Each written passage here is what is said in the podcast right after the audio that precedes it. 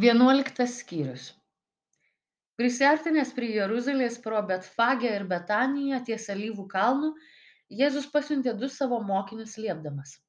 Eikite į priešais esantį kaimą ir vos įžengę į jį rasite pririštą asilaitį, kuriuo dar niekas iš žmonių nėra jojęs.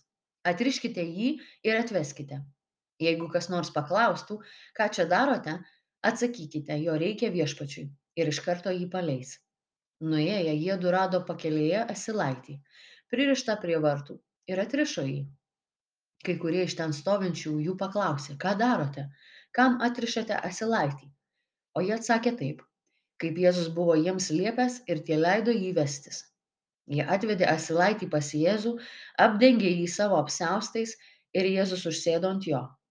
Daugelis tiesė ant kelio savo drabužius, kiti kirto ir klojo ant kelio medžių šakas iš priekio ir iš paskos einantys šaukė osana palaimintas kuris ateina viešpaties vardu. Palaiminta mūsų tėvo dovydo karalystė ateinanti viešpaties vardu osana aukštybėse. Taip jėzus įžengė į jeruzalę ir į šventyklą. Viską apžiūrėjęs kadangi buvo jau vakaro valanda jis su dvylika išėjo į betaniją.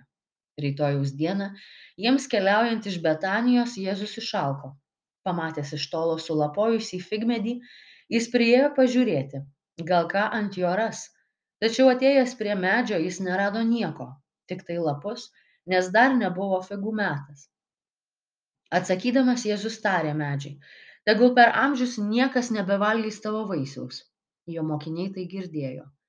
Jie atėjo į Jeruzalę, įėjęs į šventyklą Jėzus ėmė varyti laukant parduodančius ir perkančius šventykloje Jis išvarė pinigų keitėjų stalus bei karvelių pardavėjų suolus ir neleido nešti prekių per šventyklą.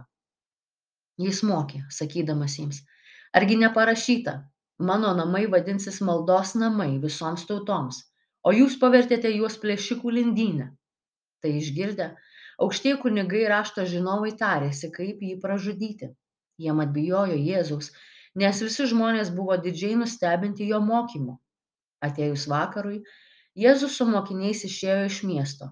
Rytą eidami pro šalį jie pamatė kad figmedis nudžiūvęs iš pat šaknų.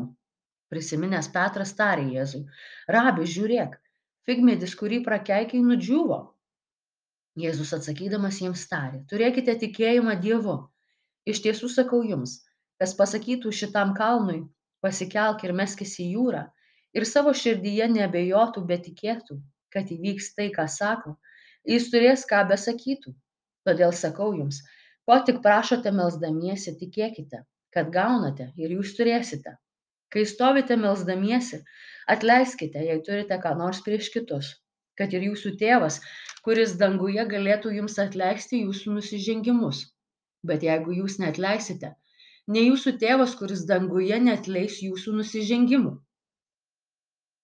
Jie vėl sugrįžo į Jeruzalę jam vaikščiojant po šventyklą prie jo priėjo aukštųjų kunigų rašto žinovų bei vyresniųjų ir klausė kokią teisę turi taip daryti? Kas tau davė valdžią tai daryti? Jėzus jiems atsakė aš irgi paklausiu jūs vieno dalyko o jūs atsakykite man tada ir aš jums pasakysiu kokia valdžia tai darau. Jono krikštas buvo iš dangaus ar iš žmonių? Atsakykite man. Jie samprotavo tarpusavy. Jei pasakysime iš dangaus jis mums sakys tai kodėl juo netikėjote? O jei pasakysime iš žmonių jie bijojo minios nes visi buvo įsitikinę kad jonas tikrai buvo pranašas. Todėl jie atsakė jėzui mes nežinome. Tada jėzus tarė tai ir aš jums nesakysiu kokia valdžia tai darau